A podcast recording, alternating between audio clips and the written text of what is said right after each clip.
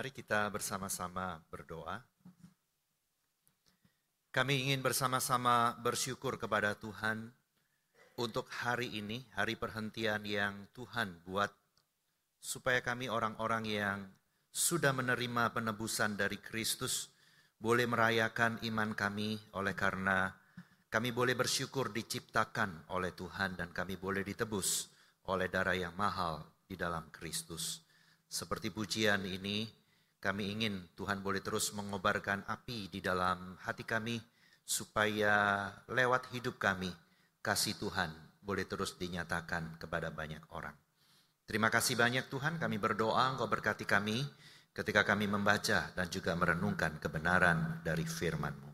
Kami berdoa mengucap syukur di dalam nama Tuhan, Yesus Kristus. Amin. Selamat pagi Bapak Ibu dan Saudara. Shalom. Salam dari Badan Pengurus Sinode Gereja Kristus Tuhan untuk kita pada pagi hari ini di dalam ibadah ini. Baik Bapak Ibu dan Saudara, mari kita bersama-sama membaca satu bagian dari firman Tuhan, 2 Korintus pasal yang ke-8 ayat 1 sampai ayat yang ke-15. 2 Korintus pasal 8 ayat 1 sampai ayat yang ke-15, demikian bunyi firman Tuhan. Saudara-saudara, kami hendak memberitahukan kepada kamu tentang kasih karunia yang dianugerahkan kepada jemaat-jemaat di Makedonia. Selagi dicobai dengan berat dalam berbagai penderitaan, sukacita mereka meluap dan meskipun mereka sangat miskin, namun mereka kaya dalam kemurahan. Aku bersaksi bahwa mereka telah memberikan menurut kemampuan mereka bahkan melampaui kemampuan mereka. Dengan kerelaan sendiri mereka meminta dan mendesak kepada kami supaya mereka juga beroleh kasih karunia untuk mengambil bagian dalam pelayanan kepada orang-orang kudus. Mereka memberikan lebih banyak daripada yang kami harapkan. Mereka memberikan diri mereka pertama-tama kepada Allah kemudian oleh karena kehendak Allah juga kepada kami. Sebab itu kami mendesak kepada Titus supaya ia mengunjungi kamu dan menyelesaikan pelayanan kasih itu sebagaimana ia telah memulainya. Maka sekarang sama seperti kamu kaya dalam segala sesuatu, dalam iman, dalam perkataan, dalam pengetahuan, dalam kesungguhan untuk membantu, dan dalam kasihmu terhadap kami, demikianlah juga hendaknya kamu kaya dalam pelayanan kasih ini. Aku mengatakan hal itu bukan sebagai perintah, melainkan dengan menunjukkan usaha orang-orang lain untuk membantu. Aku mau menguji keikhlasan kasih kamu. Karena kamu telah mengenal kasih karunia Tuhan kita Yesus Kristus, bahwa ia yang oleh karena kamu menjadi miskin, sekalipun ia kaya, supaya kamu menjadi kaya oleh karena kemiskinannya. Inilah pendapatku tentang hal itu yang mungkin berfaedah bagi kamu. Memang sudah sejak tahun yang lalu kamu mulai melaksanakannya dan mengambil keputusan untuk menyelesaikannya juga. Maka sekarang selesaikan jugalah pelaksanaannya itu hendaklah pelaksanaannya sepadan dengan kerelaanmu dan lakukanlah itu dengan apa yang ada padamu. Sebab jika kamu rela untuk memberi, maka pemberianmu akan diterima. Kalau pemberianmu itu berdasarkan apa yang ada padamu, bukan berdasarkan apa yang tidak ada padamu. Sebab kamu dibebani bukan supaya orang-orang lain mendapat keringanan, tetapi supaya ada keseimbangan. Maka hendaklah sekarang ini kelebihan kamu mencukupkan kekurangan mereka, agar kelebihan mereka kemudian mencukupkan kekurangan kamu, supaya ada keseimbangan. Seperti ada tertulis, orang yang mengumpulkan banyak tidak kelebihan, dan orang yang mengumpulkan sedikit tidak kekurangan. Berbahagialah setiap kita yang membaca merenungkan dan melakukan firman Tuhan dalam hidup yang sehari-hari. Terpujilah nama Tuhan. Bapak, Ibu, dan Saudara yang dikasih oleh Tuhan, ada satu penelitian dari New York University yang dilakukan oleh begitu banyak peneliti terhadap 600 orang yang mengalami depresi. 600 orang ini kemudian dibagi menjadi tiga kelompok. Kelompok pertama, mereka diminta untuk mencintai diri sendiri dan mengucapkan kata-kata positif selama 10 menit setiap hari. Ya, kondisinya semuanya ini dalam kondisi depresi, walaupun tidak terlalu berat, diminta untuk melakukan itu kelompok yang pertama dari 600 orang itu. Kelompok kedua diminta untuk melakukan kebaikan setiap hari kepada siapa pun secara acak. Kelompok dua diminta untuk melakukan kebaikan kepada siapa pun setiap hari secara acak. Kelompok tiga diminta untuk menuliskan yang mereka rasakan dalam sebuah blog setiap hari. Menuliskan perasaan setiap hari dalam sebuah blog.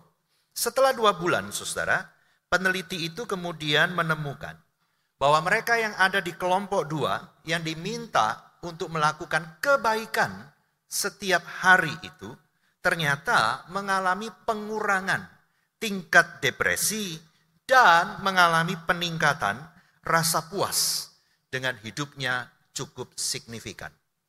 Nah, saudara dibanding itu dengan kelompok pertama dan kelompok ketiga, ya kelompok kedua ini ternyata mengalami sesuatu hal yang luar biasa.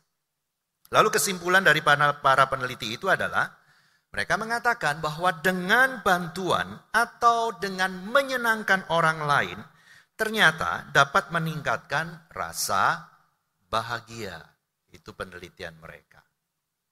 Saya juga mendengar dalam sebuah wawancara itu juga pernah ditanya begini ya, bagaimana saya bisa menghilangkan stres dengan hidup saya?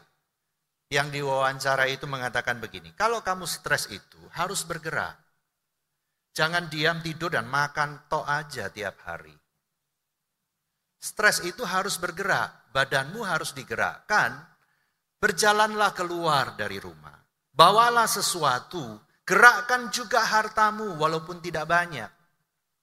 Belilah sesuatu yang mungkin tidak mahal, bagikan itu kepada orang lain. Karena memang betul saudara, depresi, orang stres, itu orang mengatakan bahwa itu adalah orang-orang yang sedang hidup dalam rasa egoisme yang sangat-sangat tinggi. Kelihatannya memang kasihan orang yang stres atau orang yang depresi itu.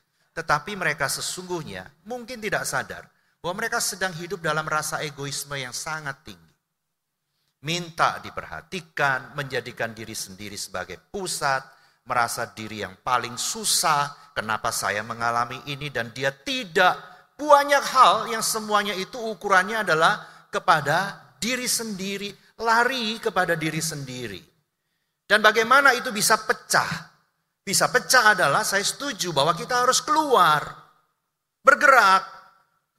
Bergerak untuk semua digerakkan, tidak hanya badan, tetapi apa yang kita miliki gerakan juga. Kita tentu tahu ya di dalam Alkitab ada laut mati. Laut ini tidak bergerak, saudara.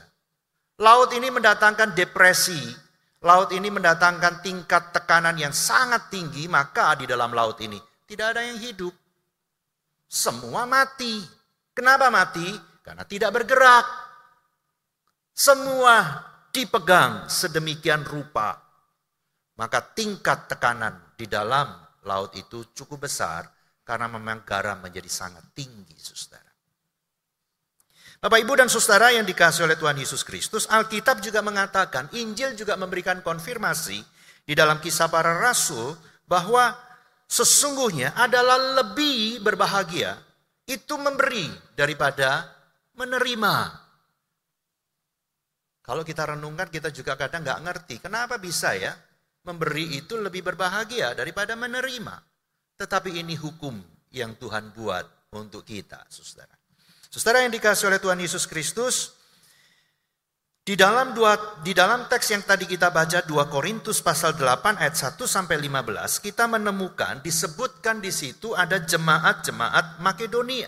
Jemaat-jemaat Makedonia ini disebut sebagai jemaat-jemaat yang sedang mengalami cobaan yang sangat berat. Cobaan itu membuat mereka ada di dalam penderitaan yang luar biasa dan tidak hanya sekedar penderitaan, tapi dalam bagian ini dikatakan bahwa jemaat-jemaat ini juga ada dalam kemiskinan, tetapi sukacita mereka meluap, mereka juga kaya di dalam kemurahan hati. Siapa jemaat-jemaat Makedonia ini? Jemaat-jemaat Makedonia ini adalah jemaat Filipi, jemaat Tesalonika, dan jemaat Perea. Surat tiga jemaat ini disebut ada di dalam kesukaran yang luar biasa. ya.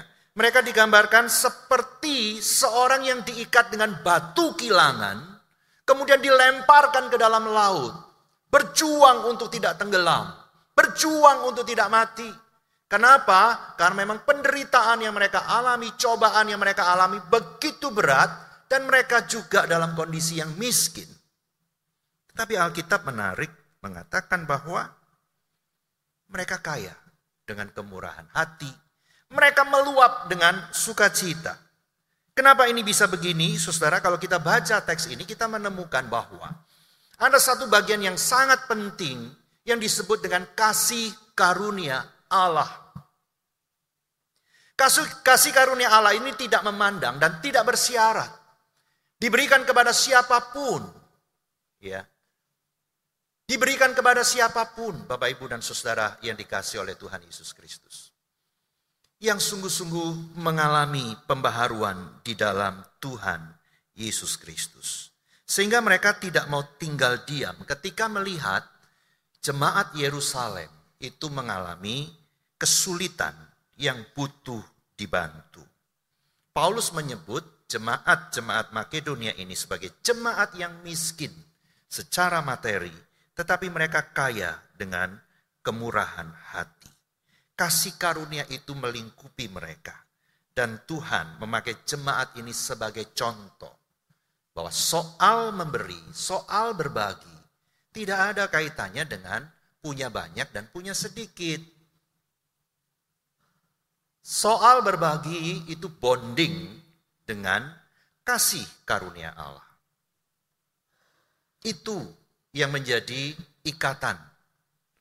Sehingga siapa pun dalam keadaan apa pun, kalau dia mengalami kasih karunia Allah dalam hidupnya, mengalami penebusan di dalam Kristus, mengalami pembaharuan hati dan pikiran tiap hari, maka baginya berbagi itu adalah bukan perkara yang sulit. Dan itu yang kemudian menjadi memang kuncinya. Bahwa Tuhan tidak mau kita menjadi orang yang egois, yang hanya menahan apa yang kita punya. Karena itu akan membawa kita kepada kematian.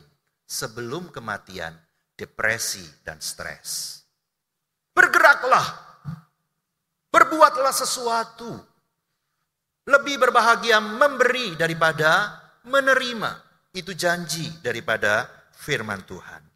Bapak, Ibu, dan Saudara yang dikasih oleh Tuhan Yesus Kristus, Ibu Teresa itu pernah berkata begini, bila dirimu tidak bisa memberi makan seratus orang, jangan kemudian tidak melakukan apa-apa. Karena setiap kita bisa memberikan makan satu orang. Walaupun itu bukan nilai yang sangat tinggi. Kita bisa melakukan itu, saudara. Seorang Kristen yang dipenuhi dengan kasih karunia Tuhan tidak mungkin tidak mau berbagi, meski itu hanya untuk satu orang saja. Bapak, Ibu, dan saudara, dan bagian yang tadi kita baca itu juga menjelaskan kepada bagian yang berikut bahwa Tuhan itu tidak pernah menuntut engkau dan saya berbagi dari apa yang kita tidak punya, tetapi dari apa yang terbaik dari kita. Saya harap kita tidak sulit untuk memahami ini ya. Tuhan tidak pernah menuntut saudara berbagi dari apa yang saudara tidak punya. Tapi Tuhan minta kasih yang terbaik. Bapak, Ibu, dan Saudara, Tuhan tidak pernah menuntut utango dulu dari utanganmu bagi ke orang lain. Tidak. Tuhan tidak menyuruh kita begitu. Aku meminta kamu berbagi dari apa yang ada padamu. Bagikan. tetapi yang terbaik. Tuhan pernah memberikan contoh ketika ada seorang janda miskin. Memberikan sesuatu di kotak persembahan. Tuhan pun juga melihat yang lain memberikan persembahan di situ. Tuhan mengatakan apa? Persembahan janda miskin ini adalah yang terbaik. Apakah dari sisi jumlah lebih besar daripada orang-orang kaya yang memberikan pada waktu itu? Dari sisi jumlah, ini sangat kecil. Tapi Tuhan mengatakan ini yang terbaik. Artinya, ketika kita punya banyak dan kita memberikan dibandingkan dengan janda miskin, itu berkali-kali lipat, belum tentu itu yang terbaik.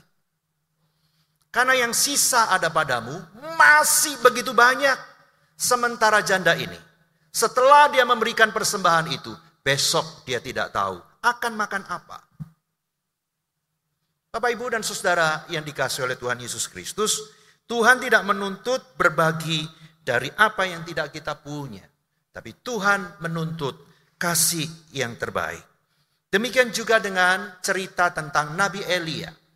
Ketika dia satu saat merasa lapar, ada seorang janda dari Sarfat Bertemulah mereka dan Elia mengatakan bahwa dia lapar.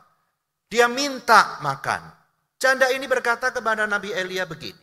Aku hanya punya sisa tepung sedikit dan minyak sedikit. Ini kalau aku olah jadi makanan, aku pulang, aku makan dengan anakku habis hari ini, besok tidak ada. Setelah itu saya dan anak saya tidak tahu akan makan apa, tidak tahu. Karena itu masa sulit, masa paceklik. Saudara, apa yang dilakukan oleh janda Sarfat ini?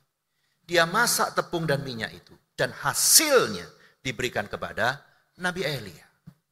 Itu yang dimaksud dengan Tuhan tidak meminta yang tidak ada padamu. Tapi Tuhan meminta beri yang terbaik. Artinya apa? Itu bicara soal hati. Soal hati yang sudah dipenuhi dengan kasih karunia. Itu yang paling tahu ini yang terbaik atau enggak. Kalau saudara tanya ukurannya apa, saya tidak bisa kasih ukuran. Tapi yang bisa tahu itu yang terbaik atau tidak adalah dirimu dalam pergumulanmu dengan Tuhan. Bapak, Ibu, dan saudara yang dikasih oleh Tuhan, saudara bisa bayangkan kalau saudara berbagi, itu semangatnya adalah semangat ada di lampu merah. Saya yakin kalau kita di lampu merah, kendaraan kita penuh dengan uang cecingan itu ya ya seribuan banyak. Kalau di lampu merah ada orang datang ketok-ketok atau apalah, kita gampang aja mungkin tidak lihat, ambil sudah hafal itu pasti cecing lah.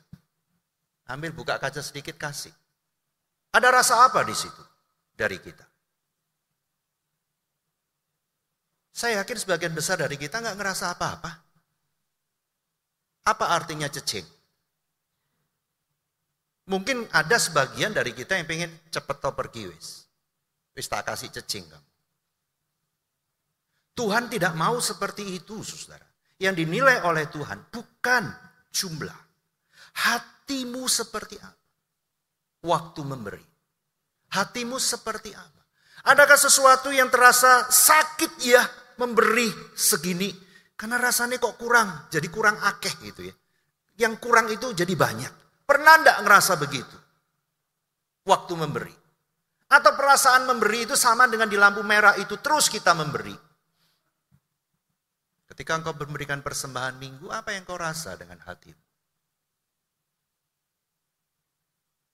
Biasa. Dari 10 tahun lalu cemban sampai sekarang cemban. Misalnya begitu. Nggak ada rasa apa-apa. Saudara, Tuhan yang memberikan kasih karunia itu meminta kepadamu dan kepadaku, berikan hidupmu diperbaharui. Supaya kasih karunia Allah yang pernah kita terima di dalam Kristus itu menghidupi kehidupan kita dan itu menolong kita tahu apa artinya berbagi. Berbagi yang dikehendaki oleh Tuhan. Berbagi yang dirindukan oleh Tuhan. Saya suka sedih gitu ya. Ada teman pendeta juga bilang, kadang saya juga bingung gitu dengan jemaat. Ada yang bilang, e, musuh ini ada lemari, taruh gereja aja ya, bisa dipakai kok si An. Maka dia kirimlah lemari, karena musuh ini juga nggak tahu kondisi lemari yang dibilang bahwa masih oke, okay, ya udahlah dibawa taruh gereja. Sampai di gereja musuh ini bilang sama saya, waduh ini lemari suruh berdiri tegak nggak iso, miring. Miring ya, gitu ya. Mau diperbaiki mahal, tapi ya gimana lagi begitu ya. Gereja mengumumkan kita akan berbagi, ada bencana alam. Ayo yang punya baju pantas pakai kita kumpulin yuk. Kita akan bagi. Banyak yang antusias. Yang kasih bagus banyak. Tapi kan mesti disortir dari begitu banyak kan. Sortirlah satu-satu. Yang bagus banyak. Tapi nemu yang karetnya molor ya banyak. Yang warnanya sudah nggak jelas itu banyak ini merah atau pink nggak tahu. Ya. Yang robek juga ada. Di situ suka sedih itu ya.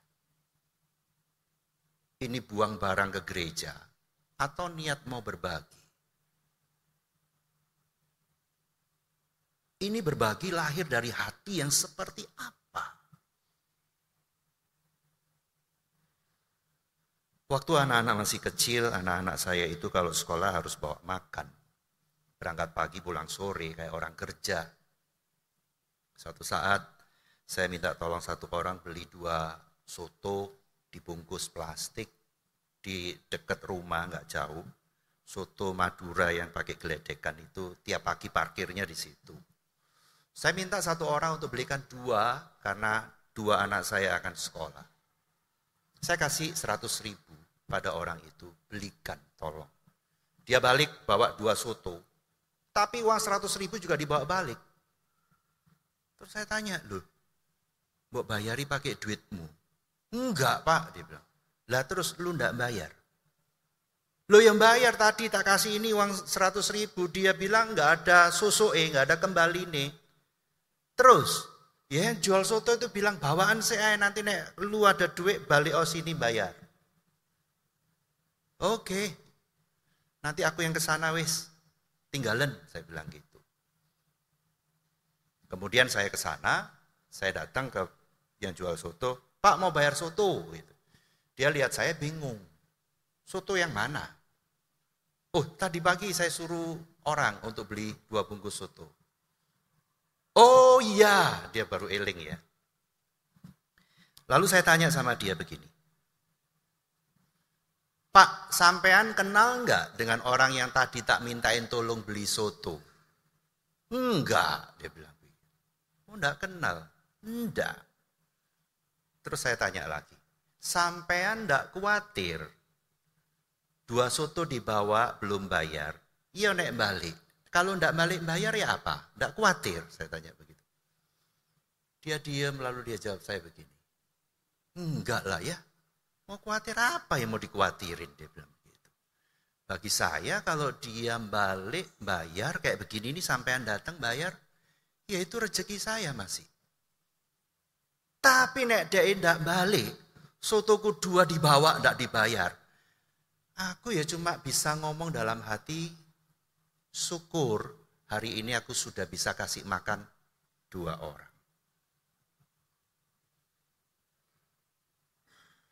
Piye nggak banding ke ambil orang Kristen, saudara.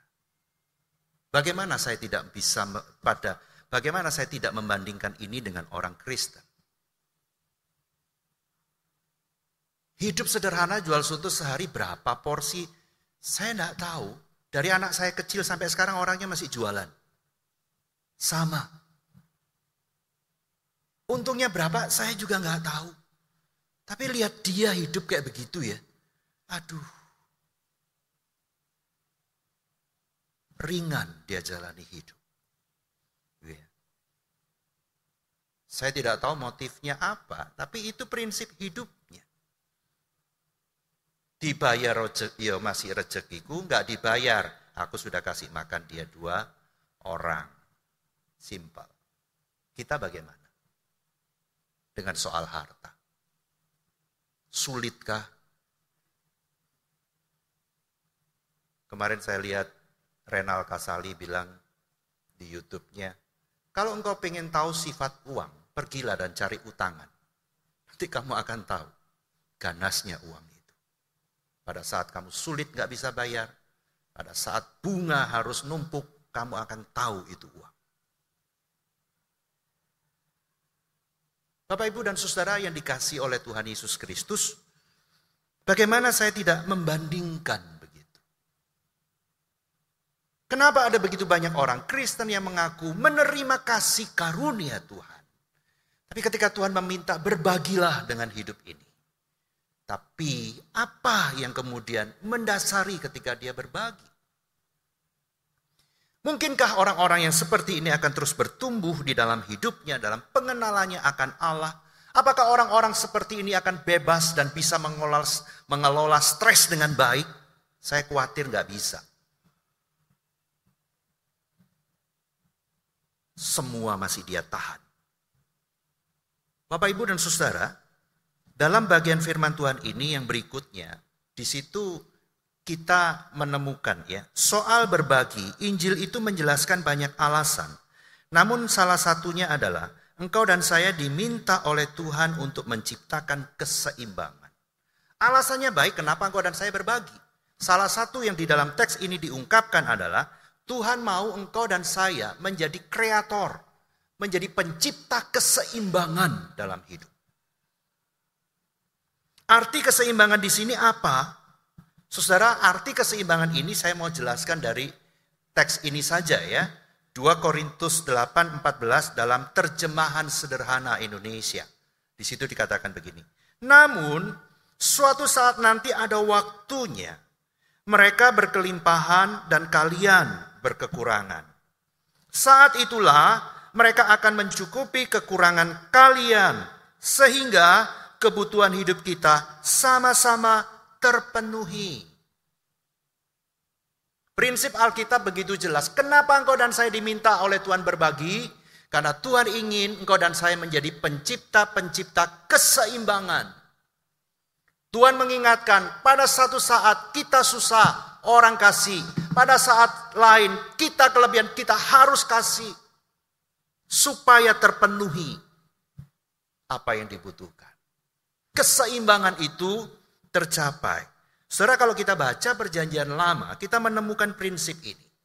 Bagaimana orang-orang Yahudi waktu panen gandum dan juga waktu panen anggur itu tidak boleh panen dengan bersih. Jatuh di jalan disapu, diringkes, enggak boleh. Metik anggur di pohon ada sisa, enggak boleh diambil semuanya. Dalam perjanjian lama diperintahkan, kalau engkau panen, sisakan. Tidak boleh kamu ringkesi 100% bersih. Sisakan. Kalau ada gandum, jatuhkan di tanah. Untuk apa? Orang miskin akan datang untuk menyapu. Itu hak dia. Orang akan datang ambil anggur. Itu hak dia. Kamu sebagai penguasa, pemilik kebun. Tidak boleh seluruhnya kamu ambil sampai bersih. Ruth waktu dengan mertuanya pulang ke Israel. Mereka miskin. Tidak ada kerjaan. Ruth tahu tanggung jawab dia sebagai mantu suami yang sudah mati begitu. Ada mertua yang dia pikir dia harus ambil tanggung jawab. Apa yang dilakukan? Dia pergi ke kebunnya Boas. Boas waktu itu panen. Setelah pegawainya panen selesai, Ruth masuk ke ladang itu untuk apa? Nyapuin gandum. Waktu Boas lihat dari jauh, dia perintahkan kepada pegawainya, jatuhkan lebih banyak, supaya orang itu dapat lebih banyak untuk dibawa pulang. Itu prinsipnya Alkitab, saudara. Berbagi itu apa? Menciptakan keseimbangan. Dan itu Tuhan mau. Dalam kisah para rasul jemaat mula-mula juga demikian. Ketika Petrus khotbah, ribuan orang bertobat. Pertobatan itu saudara membawa resiko. Mereka yang sudah bekerja ditanyain bosnya, mau tetap pegang iman atau kehilangan pekerjaan. Kalau mau kerja, imanmu lepaskan. Mereka bilang tidak mau. Karena mereka mengalami kasih karunia Tuhan. Oke, tidak mau, PHK. Begitu banyak hari itu orang tidak bekerja. Ada keluarga yang harus dihidupi. Lalu kisah para rasul bercerita apa? Mereka yang kaya menjual tanahnya, menjual hartanya, dibelikan makanan supaya semua kebutuhannya terpenuhi, menciptakan keseimbangan. Itu menjadi bagian yang Tuhan ingatkan kepada setiap kita pada hari ini. Saudara yang dikasih oleh Tuhan Yesus Kristus, di dalam harta yang engkau dan saya miliki sekarang, tidak sepenuhnya itu milik kita. Namun ada hak orang miskin yang harus dibagikan. Engkau dan saya tidak boleh menahan. Engkau dan saya tidak boleh memanipulasi dengan alasan apa pun. Dalam tiap harta kita ada hak orang miskin di situ. Saudara pernah dengar teriakan itu dari hartamu yang kau pegang sampai hari ini? Teriakan untuk meminta hakku mana?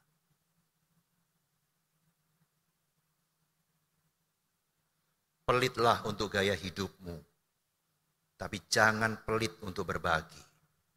Kita melawan Tuhan. Pelitlah untuk makan, untuk diri sendiri. Untuk beli baju atau apa. Tapi jangan kau tahan hak orang miskin di dalam harta yang Tuhan berikan kepada kita. Itu sebabnya Alkitab mengatakan lebih berbahagia memberi daripada menerima. Berbahagia itu diterjemahkan lebih diberkatilah orang yang memberi daripada menerima. Psikologi mengungkapkan yang tadi saya katakan. Kita bisa lepas, rilis stres kita. Dengan apa? Bergeraklah.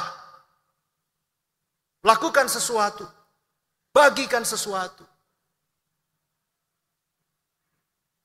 Kita tidak akan pernah kaya, saudara, dengan menahan hak orang miskin di harta kita. Maka orang banyak bilang, ada harta yang panas, saya melihatnya kalau kita menahan itu untuk tidak dibagi, itu memang jadi panas. Lihat saja, nanti kau akan bocor di sana sini. Dengan keperluan-keperluan yang tidak perlu kau hanya bisa geleng-geleng. Kenapa? Karena memang itu harus keluar. Tapi engkau tahan, engkau manipulasi. Dengan alasan ini, alasan itu. Apa susahnya berbagi nasi satu bungkus dengan orang? Kalau hari ini kita hanya mau makan dua kali saja, apa mati? Tidak kan? Kalau hari ini kita makan setiap hari tiga kali, apa susahnya? Jatah yang satu kasih orang. Dua kali makan, tidak buat kita mati, saudara. Umur saya makin banyak, sekarang saya berjuang makan itu satu hari cuma sekali malah.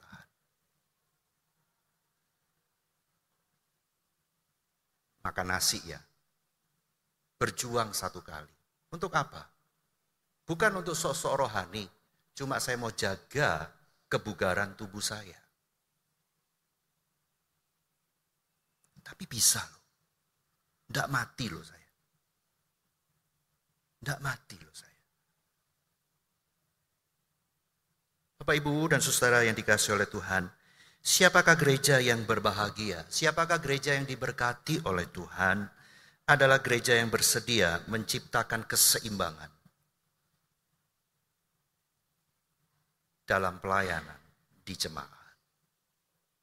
Siapakah keluarga yang diberkati oleh Tuhan? Siapakah keluarga yang akan berbahagia? Adalah dia yang tidak menahan dan memanipulasi atas hak orang miskin di dalam harta yang dia miliki. Tuhan kiranya menolong kita, membawa kita terus bertumbuh, tahu apa artinya mengelola harta yang Tuhan berikan kepada kita, supaya kita terus bertumbuh menjadi serupa dengan Kristus. Mari kita berdoa. Bapak Surgawi, inilah hidup kami. Tolonglah kami yang terus belajar untuk bertumbuh dengan mengenalmu lebih dan lebih lagi. Bawalah kami untuk boleh sungguh mengasihimu lebih dari yang sudah lewat. Tolonglah Tuhan supaya kami boleh diberikan keberanian iman oleh karena kasih karunia Kristus untuk berbagi. Tolonglah kami ya Tuhan. Berkatilah kami dan ampunilah kami untuk segala dosa dan salah kami. Di dalam nama Tuhan Yesus kami berdoa. Amin.